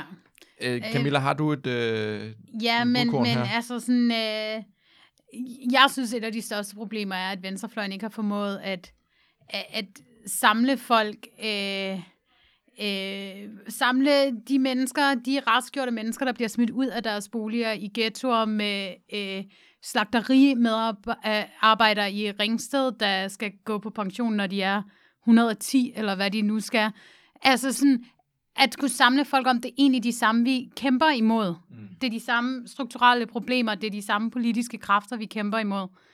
Øh, men i stedet bliver øh, forskellige grupperinger øh, spillet ud mod hinanden, især af sådan højrefløjsretorik, øh, så at, øh, ja, at folk ikke er samlet omkring, at det, det egentlig er de samme, vi skal nedkæmpe, hvis vi er queers eller tykke, der ikke har øh, ordentlig adgang til sundhedsydelser, eller vi øh, er brune mennesker, der bliver smidt ud af vores øh, boliger og ikke får et værdigt hjem, eller vi er øh, øh, ufaglærte, der skal øh, arbejde os selv ihjel. helt, helt enig. Øhm, jeg tror gerne, det jeg vil tilføje her, det er, øh, og der er jeg måske en lille smule uenig med dig, Jan, men det er jo, øh, det er jo også spændende, når kommer det, øh, at jeg, jeg sådan set ikke mener, at man på venstrefløjen har de rigtige politikker. Øh, jeg mener ikke bare, at man altså agerer, som om man var socialdemokrater. Jeg, jeg tror faktisk, at man øh, langt hen ad vejen i sine hjerter er socialdemokrater. Øh, og det, jeg ser som det største problem, det er, at man hverken i øh, tale eller handling, eller sågar i sine drømme, øh, arbejder for at grundlæggende bekæmpe øh, kapitalismen. Altså det, det, grundlæggende øh, mener jeg ikke, at man, altså øh, jeg har ikke, jeg er ikke blevet overbevist om, at man fra hverken, selvfølgelig ikke fristet til at sige fra SF, men heller ikke fra enhedslistens side, ønsker grundlæggende at gøre op med de kapitalistiske strukturer, som der har puttet os i den her situation, altså med markedet og den private ejendomsret. Øhm, jeg, øh, med den, altså alle dem, jeg har talt med, og alt det, jeg har læst, der er mit en klar overbevisning, at man langt, langt ind i, øh, i enhedslisten desværre øh, har et drømmesamfund, som utrolig meget ligner et socialdemokratisk klassekompromis. Og for mig at se, der er det kimen til de fleste problemer, at, at det, det er det, som man tænker er det saliggørende, og derfor kommer man aldrig nogensinde til at stille større krav. Men jeg vil, jeg vil bare udfordre på det. Altså, ja altså udgangspunktet, jeg er sgu lige glad med, om du stiller øh, socialdemokratiske krav. Hvis kravet er, at vi skal, hvad det hedder, afskaffe ghetto-loven, at vi skal lave øh, CO2-afgifter, hvis vi skal øh, stoppe øh, øh, den stigende pensionsalder. Altså, det er jo grundlæggende set et ikke revolutionære krav. Øh, jeg er sådan set ligeglad, om vi skal kæmpe om farven på toiletpapiret. Det, der er afgørende for mig, det er, at man kæmper. Øh, den russiske revolution startede heller ikke med, vi kræver øh, sovjetter og socialisme. Vi, det, vi kræver, det er brød, jord og, jord og fred. Og i virkeligheden så er det levevilkårskampen. Det der med, at man tager afsæt i og i realiteten engagerer sig. I dag, der, altså jeg er enig i, jeg synes, enhedslisten er ikke et revolutionært parti, der er revolutionær i enhedslisten. Jeg er medlem. Der er også andre parlamentarikere som rundt omkring, som øh, identificerer sig som revolutionære. Men grundlæggende set, så er enhedslisten det, man vil med teoretisk ord vil kalde et centristisk parti, men det er et venstrereformistisk parti, og det er fair nok for mig. Det har jeg ikke nogen problemer med. Det, der er problemet for mig, i hvert fald der, hvor jeg står, det er, at vi ikke kæmper kampene sammen med de mennesker, vi ønsker i realiteten skal være løftestangen for at skabe noget bedre. Og derfor kan man sige, at lidt i forhold til USA, det store problem for øh, USA var jo, at de ikke engagerede sig fuldblods i Black Lives Matters. Og det der med, at man hele tiden er selektiv på, hvor man øh, engagerer sig. Enhedslisten har næsten 10.000 medlemmer. Men det er jo ikke et netværk af 10.000 socialister. Mange af de lokalafdelinger, man har i enhedslisten, er ikke eksisterende. De er mindre funktionelle. selvom de er gode kammerater, gør rigtig meget, så er de mindre funktionelle end Socialdemokratisk Partiforening. De arrangerer dog i det mindste, øh, hvad det hedder, øh, hvad det hedder bingo og banko. Så udgangspunktet er her, det er ikke for at ditche folk, men enhedslisten har mere og mere et pensionistproblem ude i sine lokale fagforeninger, eller i sine afdelinger, og det er nogle meget få folk, der driver det. Og du har så havnet i den her situation, hvor det handler mere om at, at dyrke nogle personligheder. Det handler mere om at likability. Og derfor bliver den her situation, hvor man oplever, at der er en diskrepans mellem at De mener sådan set, de mener alt det rigtige. Problemet er bare, at det har ikke nogen praktiske konsekvenser, fordi de ikke er forbundet med de mennesker, de i realiteten ønsker at forandre verden sammen med. Og dermed så kommer man øh, til at blive suget ind i den parlamentariske logik, der er. Og hvis man kigger på enhedslistens måde at bedrive kommunalpolitik på, så har man jo beviset for, at øh, der er ikke tale om kommunalsocialisme, vel?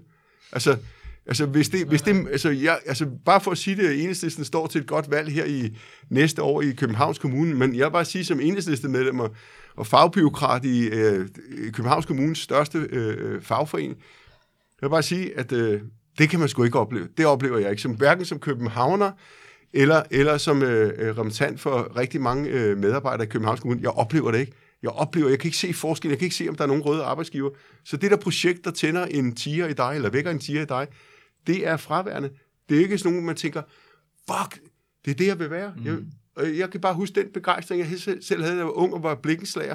Det der med, at da man opdagede, det man helt ung opdagede, at kommunisterne, de gjorde en mega stor forskel. Jeg kan huske, jeg trådte ud som blikkenslagerlærling og bare oplevede, hey, når man så dem på pladserne, at kommunisterne samlede alle hvad det, bygningsarbejderne og sagde, vi sætter dagsordenen her. Det var ikke fagforeningen, der satte dagsordenen.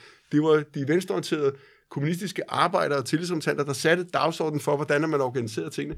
Det var der, hvor man forbundet. Så havde de mange andre ting, der var øh, øh hvad det hedder, barrieren for, at de nogensinde mm. kom til at blive store. Men det, de kunne, det var at være en forbundet, organisk del af arbejderklassen.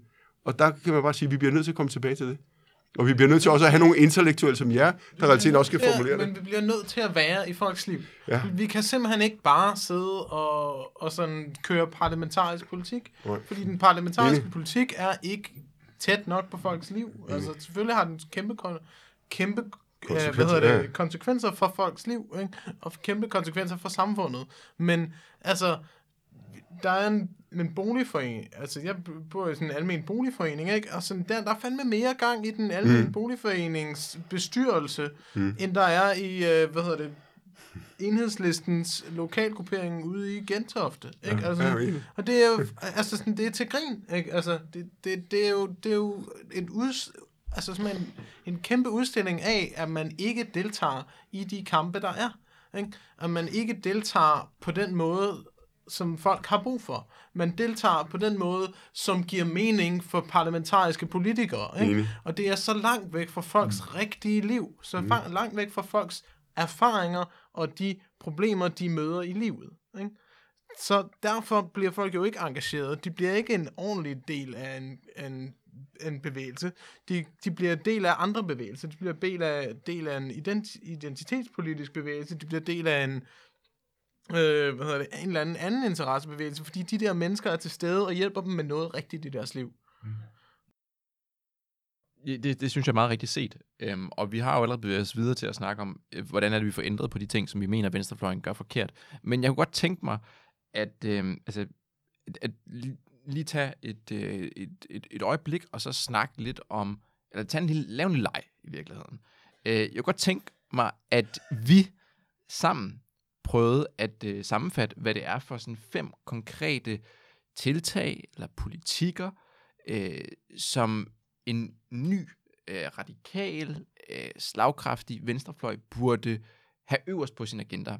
Så Jan, vil, vil du ikke øh, prøve at komme med, hvad er, den, hvad er den første ting, du tænker, sådan venstrefløjen burde kæmpe dag og nat for? Stop for den stigende pensionsalder, det er øh, om noget øh, et klassespørgsmål, og det har konsekvenser for for de nuværende lønmodtagere, øh, også for jer tre, der sidder her, øh, og for vores børn og børnebørn. Og i virkeligheden, så kan man sige, at øh, nu har jeg jo været initiativtager til den kampagne, der hedder 68 er mere end nok, hvor 100 fagforeninger er med, og vi er over 500.000 på papiret. Men det er jo ikke en materialiseret bevægelse, det er en papirstiger. Men grundlæggende set, så kan man sige, at jeg tror også, at hvis, jeg måske, jeg havde håbet på, hvis der ikke var corona, at der ville være en bevægelse omkring det. Men i, men i virkeligheden for mig at se, der er det sådan noget, der, når jeg taler og rejser rundt i landet og, og holder foredrag, så er det noget, som øh, folk er pist over. Mm. Og unge mennesker ved godt, at udsigten til det, de, øh, kan se, eller det, de kan se frem til, det er katastrofe. Altså, mm. at folk, unge mennesker på jeres alder, ikke tror, at de kommer til at leve, til de går på pension, for de kommer, tror, at de kommer til at dø, mm. eller så kommer de til at leve afmod, fordi de bliver nødt til at stemple ud af arbejdsmarkedet, og ikke har en pension eller sikkerhedsnet, der holder netten under. Og for mig at se, at det er et, et kæmpe, kæmpe klassespørgsmål. Men man har ladt Socialdemokraterne slippe afsted med den fedtede ordning og narsut, der hedder Arne. Det er godt for dem, der hedder Arne, men det er ikke en varig løsning, og det er et udtryk for det der med del- og herspolitik. Men for mig at se, at det er en af de helt store. Og hvis det ikke var på grund af corona, så tror jeg også, at det har været noget, som i realiteten kunne hvad det hedder, tænde øh, en bevægelse, der i realiteten øh, gjorde en afgørende forskel. Ja. Så det var et bud. Noget, som der connecter med folks Ja, det er helt, det må man sige, det er meget konkret. Ja. Ja. Ja, Okay, Camilla, det bliver du, altså øh, ikke helt så konkret, men, øh, Så må vi se, om men, vi accepterer men det. sådan en, øh, en eller anden garanti for, at alle kan have en anstændig bolig. Mm. Alle mennesker kan have et hjem. Mm. Altså, øh, vi har snakket om det før i podcasten, mm. at øh, både det, at folk bliver smidt ud af deres boliger og ghetto-lov og sådan noget, men også den der kæmpe skæ- skævvridning, der er. Øh, boliger i København bliver opkøbt, og huslejen går mok. Boliger i Vestjylland mister værdi, og folk sidder i større gæld, end, øh, end, end deres boliger har værdi. Det er et kæmpe problem for alle, undtagen de få, der sidder og opkøber boliger. Spændende. Enig. Det er et godt bud, godt bud, synes jeg. Også meget konkret og noget, der altså, altså, man sige, connecter med folks virkelighed. Alle, kan, Mhm. alle har en bolig, alle ved, hvordan det er at stå uden. Og mange mærker desværre, øh, hvordan det er at have nogen, der på en eller anden måde prøver at skubbe en ud ens hjem. Ja, altså mit meget konkrete bud var at gerne afskaffe ghetto-loven, som Ja. er racistisk og altså har en kæmpe klasseslagside, og er simpelthen fucked up på alle niveauer. Jeg ved ikke, om jeg stjæler lidt for meget for dit anslag. Nej, nej, må- må jeg tilføje Men, en ting så, hvis man er i tvivl om, hvor racistisk den er, så øh, tager man ikke medbragt uddannelse med, når man øh, laver de der kriterier for øh, øh, ghetto-loven, øh, eller for hvilke områder, der bliver ghettoer. Så det betyder egentlig, at ens ophav tæller med to gange, fordi hvis du er uddannet læge i Syrien, bad luck. Hvis du ikke har en dansk uddannelse, så tæller det ikke. For slet ikke. Ja, det, gør det til en, et endnu, endnu bedre lov. Ja, men den skal fucking væk. Altså, det er simpelthen så, det, det er så dæmonisk en lov, som man nærmest kan regne ud, og den er lavet for at ekspropriere arbejderklassen på nogle boliger, som man lavede for at være billige og næsten ligegyldige boliger, dengang de blev lavet som al- almene boliger, men nu fordi at byen har ændret sig, og byen har flyttet sig, så er det meget, meget dyr plads. Det er noget rum, så man kunne bygge nogle rigtig, rigtig lækre, dyre lejligheder til dem, der har lyst til at opkøbe sådan nogle. Og så kan man Så man kan lege ud til studerende for øh, det dobbelte af en Men man kan sige, at det der jo i virkeligheden er, det er jo det der med øh, stille... Altså, vi mangler en boligbevægelse, vi mangler nogle øh, boligpolitiske øh, krav, der altid siger stop for enhver form for øh, øh, kapital involveret i meget. Stop for ejerlejligheder. Øh, Problemet er jo bare, at vi er nået til et punkt, hvor det er svært at gøre det til, øh, at omgøre den her bevægelse. Vi har det jo i Nordhavnen, jeg har en lejlighed på Østerbro, og udgangspunktet er, at det, der foregår øh, på Nordhavn, hvor der skal bo 45.000 mennesker, er jo en stor spekulativ, øh, hvad det hedder, projekt, der kører derud, og at omgøre det, selvom man har fået gennemført 25 procent, så står vi jo her, hvor boligspørgsmålet kan blive til et af de helt afgørende klassekampspørgsmål, fordi at man, det bliver antikapitalistisk i sin grundessens at kræve, at vi skal have stop for øh, altså, øh, ejerlejligheder, og i realiteten har indført 100% lejeboliger, fordi man har bundet hele sit projekt også op omkring Lynetteholm og øh, den skide havnetunnel på i realiteten, at man skal sælge det for at finansiere projektet. Og det er hele det der, der er essensen, at det du rejser, er et antikapitalistisk krav, og nogen skulle rejse op med det store banner og sige, alle lejligheder skal være lejelejligheder fremadrettet, drop enhver form for en, en eneste ny ejerlejlighed. Ikke? Ja. Og det der med, at det er det der med, jeg synes, det der med, der er sådan essensen, det vi snakker, er, radikale tider kræver radikale krav og radikale løsninger. Og det er virkelig det, hvor vi også er bange for vores egen skygge som venstrefløj, fordi vi er bange for at komme til at havne nede i kælderen med gokkesokken, hvor vi bare sidder fire mennesker og har alle de rigtige teorier og kan ikke afprøve det. Mm. Og det er jo der, Asmus har ret. Hvis vi ikke er til stede i folks liv og forbinder os med vores kampe, så øh, når vi aldrig det, vi gerne vil. Og det er jo der i den konkrete kamp, der skaber den største forvandling. Ikke? også op i roen. Ja. Jeg, øh, det, det synes jeg er helt vildt gode øh, forslag. Øhm, jeg vil gerne hive noget fat i noget, der måske bryder lidt øhm, med det, der, altså det, det, vi ellers har snakket om. Øhm, som mit øh, forslag til en af de her øh, sådan fem konkrete politikker. Og det er en ændring af grundloven. Øh, af grundlovens paragraf øh, 73. Og det er simpelthen, for, i stedet for, at der står, at ejendomsretten er ukrænkelig, så skal der stå, at ejendom som udgangspunkt er fælleseje. Og grunden til, at jeg siger det, det er fordi, at for mig, der er det, sådan, det er selve fundamentet for, at vi kan gøre alle de ting, vi ellers har snakket om. Altså, hvis vi, hvis vi snakker om, at der ikke skal være ejerboliger, så bliver altså, det, det, er ikke, det, er, det er jo ikke noget, man kan gøre fra altså, Københavns Kommunes side. Altså, det, det er grundlæggende et spørgsmål om, hvem er det, der skal have ret til at eje? Og selvfølgelig skal vi alle sammen eje det, der har en signifikant værdi i fællesskab, synes at vi kan fordele det ligeligt, for eksempel, som det er et tilfælde med boliger. Øhm, øh, og jeg vil gerne medgive, at der, hvor den kan have en udfordring af politik, det er, hvordan den connecter med folks hverdag, fordi det er jo det, der er, er det store spørgsmål, man, man, hvordan man tager noget, der er så f- altså, politisk fjernt, fordi det er det jo. Det er, det er ikke noget, der ligger i kortene. Det er ikke noget, som der... Og og det er heller ikke noget, der formuleringsmæssigt sådan, er appetitligt for folk. Det er ikke lige så sådan... Folk kan ikke forbinde lige så godt med det, som de kan med om, øh, for, forbinde med, om, om der er nogen, der vil tage ens bolig. Men, men, men jeg, jeg synes, det er så afgørende. Det, det her det er selve sådan nexus for alt andet, hvad der skal, hvad der skal ske, at det for mig vil være... Det, det, det er mit bud på, hvad, hvad der skulle stå øverst på... Eller i hvert fald på den her liste over de, øh, de fem vigtigste ting for venstrefløjen. Men det er jo et, et, en formidlingsudfordring, fordi alle hader Blackstone eller Careby, eller hvad de Mm. kalder sig nu. Det opgør, det handler jo også om at forklare, hvad det indebærer, og hvorfor det er nødvendigt. Klart. Helt klart. Absolut. Og, og det må vi jo også være i stand til. Men hvis vi bare, nu har vi, nu har vi fire ting på bordet. Hvis vi siger, at vi har en liste på, altså Fem. på, på, på fem, Så så, må vi klima. prøve at finde, så må vi, så må vi Ja være, tak, jeg skulle lige til at sige, at vi skal have noget klima på banen Altså, også. udgangspunktet er for mig at se, at klima er, altså det, det er for mig den ultimative øh, øh, antikapitalistiske kamp. Altså, altså, og der bliver man også nødt til at, i realiteten at rejse det banner og sige, prøv at høre, øh, der er ingen fred øh, med den fossile kapitalisme. Og det er i virkeligheden det, der også bliver Socialdemokratiets akilleshæl.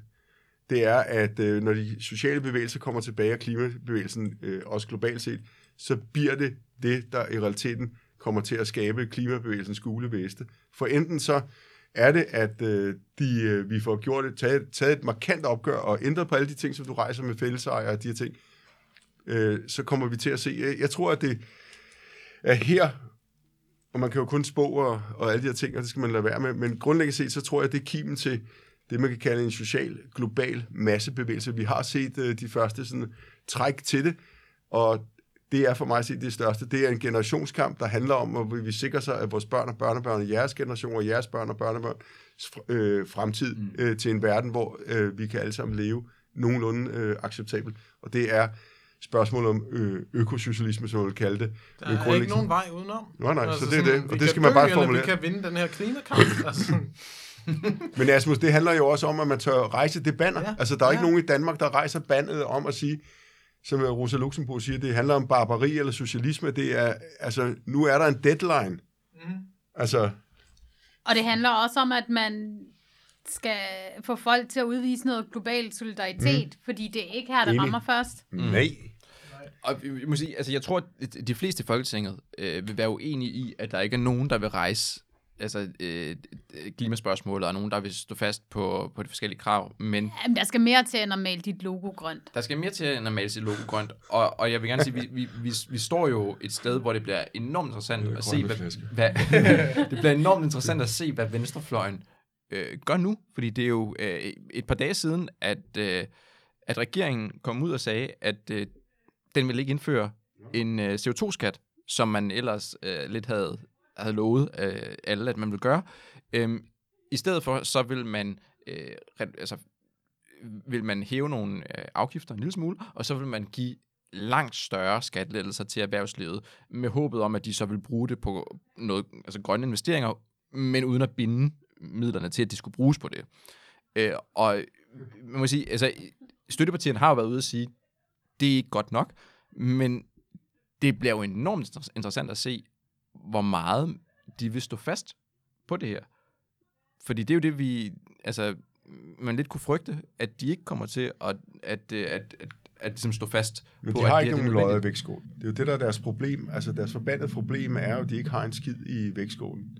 Altså, udgangspunktet er, at det ved Socialdemokratiet, og det er derfor, de spiller det taktiske spil, og de ved, at de kan lave et forlig med de borgerlige partier. De kan i realiteten pisse på SF og Enhedslisten og de radikale, og sige, at det er meget fint, men og så fremdeles, og vi skal nok nå det. Og det er hele tiden det der med, at situationens alvor. Mm. Altså, det er jo det, der er det mest frustrerende.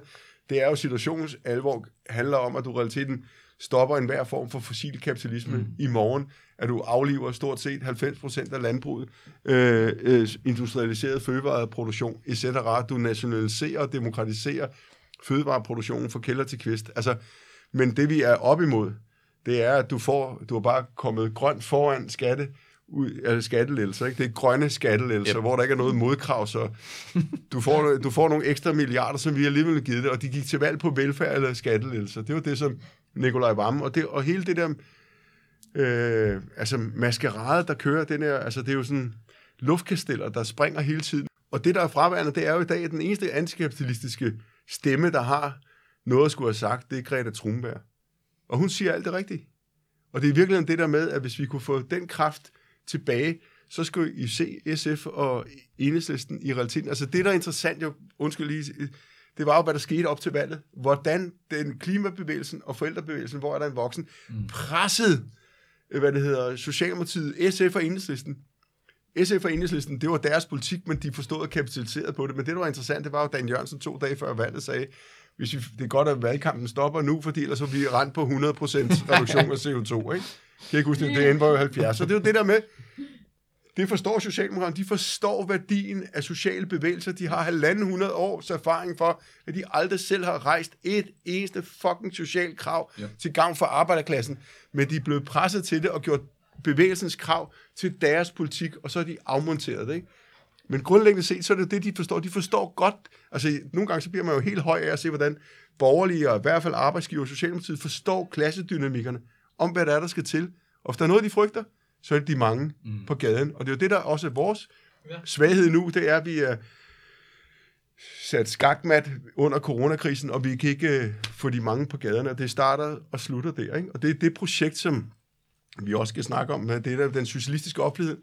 Altså, vores jordens salt, ikke? Mm. det er arbejderklassen, og hvis vi skal have forbindelse med dem, så bliver de nødt til at være i bevægelse, for der er intet, som strækker, aktioner, demonstrationer, der flytter politiske holdninger, flytter værdier og øh, tænkemåder. Og det er i kamp. Altså, jeg, har mødt, jeg, har, jeg var involveret i Ribus-konflikten, og det var alle dem, der var blevet øh, fyret under Ribus-konflikten, alle sammen, de stemte på Venstre eller Konservativ. Og da vi var færdige med Ribus-konflikten, der var de alle sammen øh, revolutionære socialister, hovedparten af dem. Ikke? Og det er bare for at sige, at det var for yderste kartoffelrække. Små husmænd, der var buschauffører, der flyttede sig politisk i den øh, fantastiske øh, øh, strække. Og det er det, jeg i realiteten, den dynamik har jeg oplevet på tæt hold, at være sammen med mennesker, der har flyttet sig fra at være øh, neandertaler, øh, og så flyttet sig til at være avancerede øh, socialister. Men det, det, der gjorde transformationen, var, at de var i klassekamp, og de opdagede, hvad statens nøgne og bare eksistens i virkeligheden er. Mm. En her bevæbnede mænd, ikke? Super gode pointer. Vi er jo faktisk nået frem til fem øh, vigtige ting. Øh, jeg vil lige give en mulighed for, at man kan smide en bobler ind, hvis man vil. Øh, og det er, øh, altså, siger jeg, fordi jeg gerne selv vil smide en bobler ind. Øh, sådan en, en, en, en, en, en, en, en sjette. Nej, er dine materielle interesser. Det er retten, jeg tager mig, som øh, det tilrettelægger den her episode. Øh, og det er de opgør med fattigdomsreformerne. Øh, afskaffe integrationsydelse, kontanthjælpsloft, Ja, vi må kun have fem, jo. Var det kun fem? Ja, de, jeg ved godt, det kun var fem, men nu siger jeg... Det er en nu, bobler, nu, er det seks. Jan. Nu er det, Ja, ja. nu er det ændret til seks, Jan. Men jeg kan huske i gamle dage, så skulle man have alt med. Der var nogle af dem, der altid krævede, når man skulle lave en demonstration mod et eller andet. Så var der nogen, der kom med alle mulige krav, som man også skulle have med. Så man i realiteten skulle have alle, hele verdens situation med. Man, man kæmpede i realiteten for at få øh, hvad det hedder, rødt lokumspapir, og så skulle man også øh, forholde sig til øh, øh, kaffebønderne i øh, Bolivia. Ikke? Det er mig. Det er mig. Øhm, Så er vi tilbage i kælderen, og det kun er os fire. Det sidste, jeg tænker, øh, vi skal runde i dag, det er, hvordan vi så øh, når frem til det her. Hvordan er, det så, vi, hvordan er det, vi altså sådan rent konkret får skabt en sult i befolkningen efter, at det, altså, at det er en radikal venstrefløj, man, man, man gerne vil have. Altså, hvordan får vi rykket folk fra at stemme på øh, Socialdemokratiet, Enhedslist, eller øh, SF, øhm, og til at hvis I kræve af den parlamentariske venstrefløj, at den er mere radikal, øh, og kun stemme på dem, som der giver løfter om at være radikale. Hvad, hvad, hvad tænker I, hvad er det for nogle hvad er det for nogle redskaber, vi skal tage i brug der? Hvad er det vigtigste for, at vi får skabt den her forandring? At vi får en venstrefløj, som faktisk er så slagkraftig, som vi gerne vil have, den skal være? Det, der er problemet, det er jo, at, øh, at der ikke bliver lavet en socialistisk offentlighed, hvor vi formulerer nogle af de her krav. Mm. Altså i realiteten stiller os op og er stolte af ting. Jeg er Spartacus. Mm. Vi fire her mener de her ting, og det er også det, vi har før snakket om. I hvert fald også fire uden for det her, men det her med, hvordan man i realiteten også identificerer, hvem er med på det her. Skabe et åben, inkluderende, øh, socialistisk øh, offentlighed, hvor vi siger, om, om du er, er, er for fed front, eller om du er queer, eller og hvad fanden du er, om du arbejder, betonarbejder, eller du er socioassistent på et plejehjem i Tarm, så, du, så, hvis du er med på at kæmpe for en bedre verden, en verden uden kapitalisme, så er du en del af, af vores øh, øh, ting, og så skal vi snakke sammen og kæmpe sammen. Ikke? Og det er mere det, jeg har ikke sådan, hvis man havde det, så sad vi ikke her. Mm. Altså, vi sad her ikke, hvis det var, fordi at øh, vi havde en løsning på, hvordan vi kommer dertil, men vi bliver nødt til at sige, dem af os, der har nogle idéer om det, bliver nødt til at teame op, uanset hvor vi kommer fra, hvordan vi ser ud, og hvor gamle vi er, hvor unge vi er, hvad vores uddannelse, og hvor vi bor. Men for alle dem, der vil noget, der er meget mere markant end det, fordi vi forstår, hvad der venter på den anden side, det er barbarisme, og det ønsker vi ikke. Vi bliver nødt til at formulere et socialistisk øh, eller krav, som i realiteten vækker en tiger i folk. Og det, det, det tror jeg ikke er urealistisk. Det er sket før for helvede. Mm. Altså, de var også engang i en togvogn, ikke? og de skabte en revolution. Og jeg tror egentlig ikke, at det der er den store udfordring er uenigheder nu her. Det er sådan forskellige fokusgrupper. Altså nu nævnte du Fed Front, ikke? Altså, at, øh, at der er rigtig mange, der kæmper mod undertrykkelse, men har, har en bestemt øh, gruppe øh, i fokus. Men vi kæmper jo alle sammen mod et kapitalistisk system. Så Fed Front, Magnage, også modkraft. Altså, der er rigtig mange, der kunne kæmpe sammen her. Konfront. Ja. Det med at skabe en socialistisk offentlighed, hvor de her idéer, de lever blandt folk, det er jo noget, der kræver, at vi er altså engageret på samtlige platforme. Mm. Altså det er alle våben i hele arsenalet, vi skal i gang i. Vi skal lave podcast, vi skal skrive, vi skal organisere os fagligt, Øh, vi skal snakke om det med vores venner, vi skal snakke om det med vores familie, det, vi skal snakke om det med dem, vi øh, altså, spiller fodbold med, eller hvad fanden vi ellers gør i, i, i vores fritid. Og vi skal på gaderne, vi skal demonstrere, og det, det er hele vejen rundt. Det er, vi, jeg tror, altså nøglen for mig er, at, altså, at folk ikke ved, at der eksisterer, at der, der, der er en mulighed for at være mere radikal, end det, de ser i det politiske landskab nu. De tror, at det, det, det mest radikale, man kan være, det er, at man kan gå ned i, i stemmeboksen, og så kan man stemme på enhedslisten. Men man kan sige, at det, det, det, det er bare ikke... Jeremy Corbyn og Bernie Sanders har skabt håb også på den europæiske venstrefløj. Og det er jo helt absurd, at vi kigger over landen. Vi har en langt stærkere øh, arbejderbevægelse i Danmark, end de har i USA, og kommer til at få i mange år. Mm. Jeremy Corbyn øh, skabte også en helt fantastisk bevægelse og tændte en øh, flamme i rigtig mange mennesker og håb. Men grundlæggende set, så sidder vi og kigger over landen, og hvor er vores altså, inspiration? Ikke? Og der bliver man bare nødt til at sige, at der, med al respekt for de dygtige kammerater, der sidder rundt omkring i enhedslisten og i, i parlamentet, så er det jo ikke fordi, at der er nogen af dem, der er folkforfører. Der er ikke nogen af dem, der tænker, at det projekt der i enhedslisten, det har skabt den samme synergieffekt og, og, og, og, og tsunami af ting, hvor folk rejser sig øh, fra Tarm til, øh, til Tønder til, til, til, til Tormby. Altså, hvor de tænker, nu er den der, og fået trukket øh, tusindvis af unge øh, og gamle og ældre mennesker til, til, til en eller anden bevægelse. Og det er jo det, vi bliver nødt til at skabe. Altså, det har jo været, at Danmark har været en lang, lang tradition af store socialistiske bevægelser, der har haft en, en bred offentlighed, og haft tidsskrifter, og haft møder, og haft yes. konferencer, og kraftedeme også har været øh, politiske ledere øh, i boligkarrien. Altså, da jeg var helt ung, der gik jeg rundt og og hvad det hedder, til land- og folkeindsamling, og solgte aviser, og ringede på dørene, og solgte aviser, og bad om penge til indsamling til land og folk. Altså udgangspunktet er, der var en offentlighed. Præcis. Og det er det, vi i realiteten men, skal have, men, uden at vi abonnerer på et eller andet systems øh, forkvaklede Fuldstændig, og, og det er også derfor, det, det, det handler ikke om, sådan, om at der skal være øh, altså sådan nye grupper, eller for mig, eller sådan nye partier, eller noget som helst. Det handler om, at vi skal gøre det tydeligt for folk, at der eksisterer en radikal socialistisk linje, som vil gøre en markant forskel i deres liv. Men jeg synes jo bare, at bare lige på at øh, skyde ind, jeg kender I det der, der hedder øh, kritisk debat? Det var sådan et centrum-venstre tidsskrift, ikke? Og I kender det ikke engang, og I er selv sådan nogle venstreorienterede Hvor, intellektuelle. hvor, hvor gammelt er det, Jan? Kritisk debat er lige blevet lavet om til øh, øh, noget, der hedder kritisk revy, og det er lige en artikel på øh, solidaritet. Og man kan sige, der blev skrevet lange og tunge og kloge artikler af nogle gamle, øh, kloge øh, øh, mænd. Udgangspunktet er, at det havde en udbredelse på størrelse med os fire. Og det er virkelig det, der i virkeligheden, hvordan vi går fra i realiteten at være en minoritet og opfatter os selv som en majoritet og tale til de mange, og i realiteten sænke dørtrinene. Og der kan man bare sige, at øh, der bliver vi jo nødt til, og jeg tror, hvis man sidder derude og hører podcasten, så siger hvad var egentlig deres svar? Altså, de har stillet sig selv nogle spørgsmål, med, hvad, hvad, er deres, hvad er deres bud så? Ikke? Og så er spørgsmålet, hvordan? Øh, det kommer vi til i, i podcast nummer 35. øh, vi hænger på, ikke? Men det er jo mere det der med, at vi... Altså, Du lægger fandme lange planer, Jan. ja, ja, men, Jamen, vi er vilde med cliffhangers her. Ja, ja, men det- Lyt med næste Nå, gang. men, nå, men det er jo det der med, hvordan, fanden, hvordan, hvordan gør vi det på en måde, der gør, at det bliver tilgængeligt for sosoren, øh, eller hvad det hedder, fra hvad det hedder, den lille øh, prekære øh, øh, lønmodtager, der arbejder i en eller anden øh, lille biks i Nyborg. Mm. Altså det er jo det der med, hvordan gør vi, vi os relevant? For hvis man umiddelbart kigger på os, tænker man, er vi de relevante typer? Øh, det ved jeg ikke, men grundlæggende set, så har vi jo alle sammen noget på hjertet, og, og, og vi har en idé om det, og det tror jeg i sig selv er noget, der kan løfte os øh, fra at være nogen, der tager, taler om det, til at gøre det sammen. Ikke? Klart. Jeg tror simpelthen, at jeg vil lade det være de sidste ord, i den her diskussion. Øhm, det har været, øh, det har været fedt. Det var super spændende. Det var dejligt at have, have dig med, Jan. Øhm, jeg synes, vi er kommet med nogle, øh, nogle, nogle gode bud om, altså på, hvad, hvordan det er, en venstrefløj, øh, der kan noget, vil noget, øh, ser ud. Og så har vi måske stillet flere spørgsmål, end vi har givet svar om, hvordan man skaber den venstrefløj.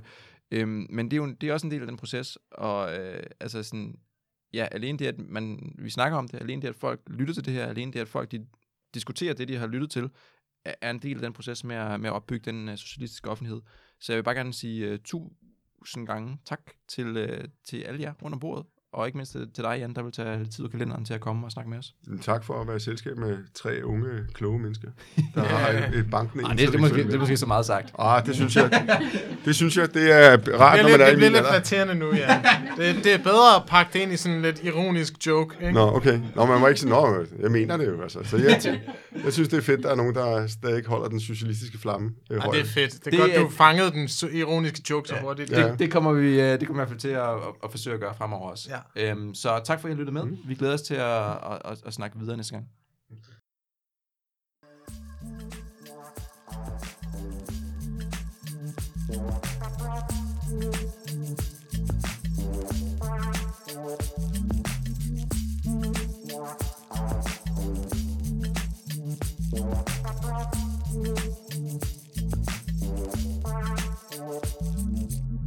Oh ja. Inden du smutter, husk nu lige at følge Radioaktiv. Vi er på Facebook, Twitter, på SoundCloud eller i din podcast-app. En række af vores podcasts udkommer også som video på YouTube. Du må også gerne dele os med dine venner. Hvis du er ellevild, så kan du gå ind på solidaritet.dk og blive medlem af vores medie.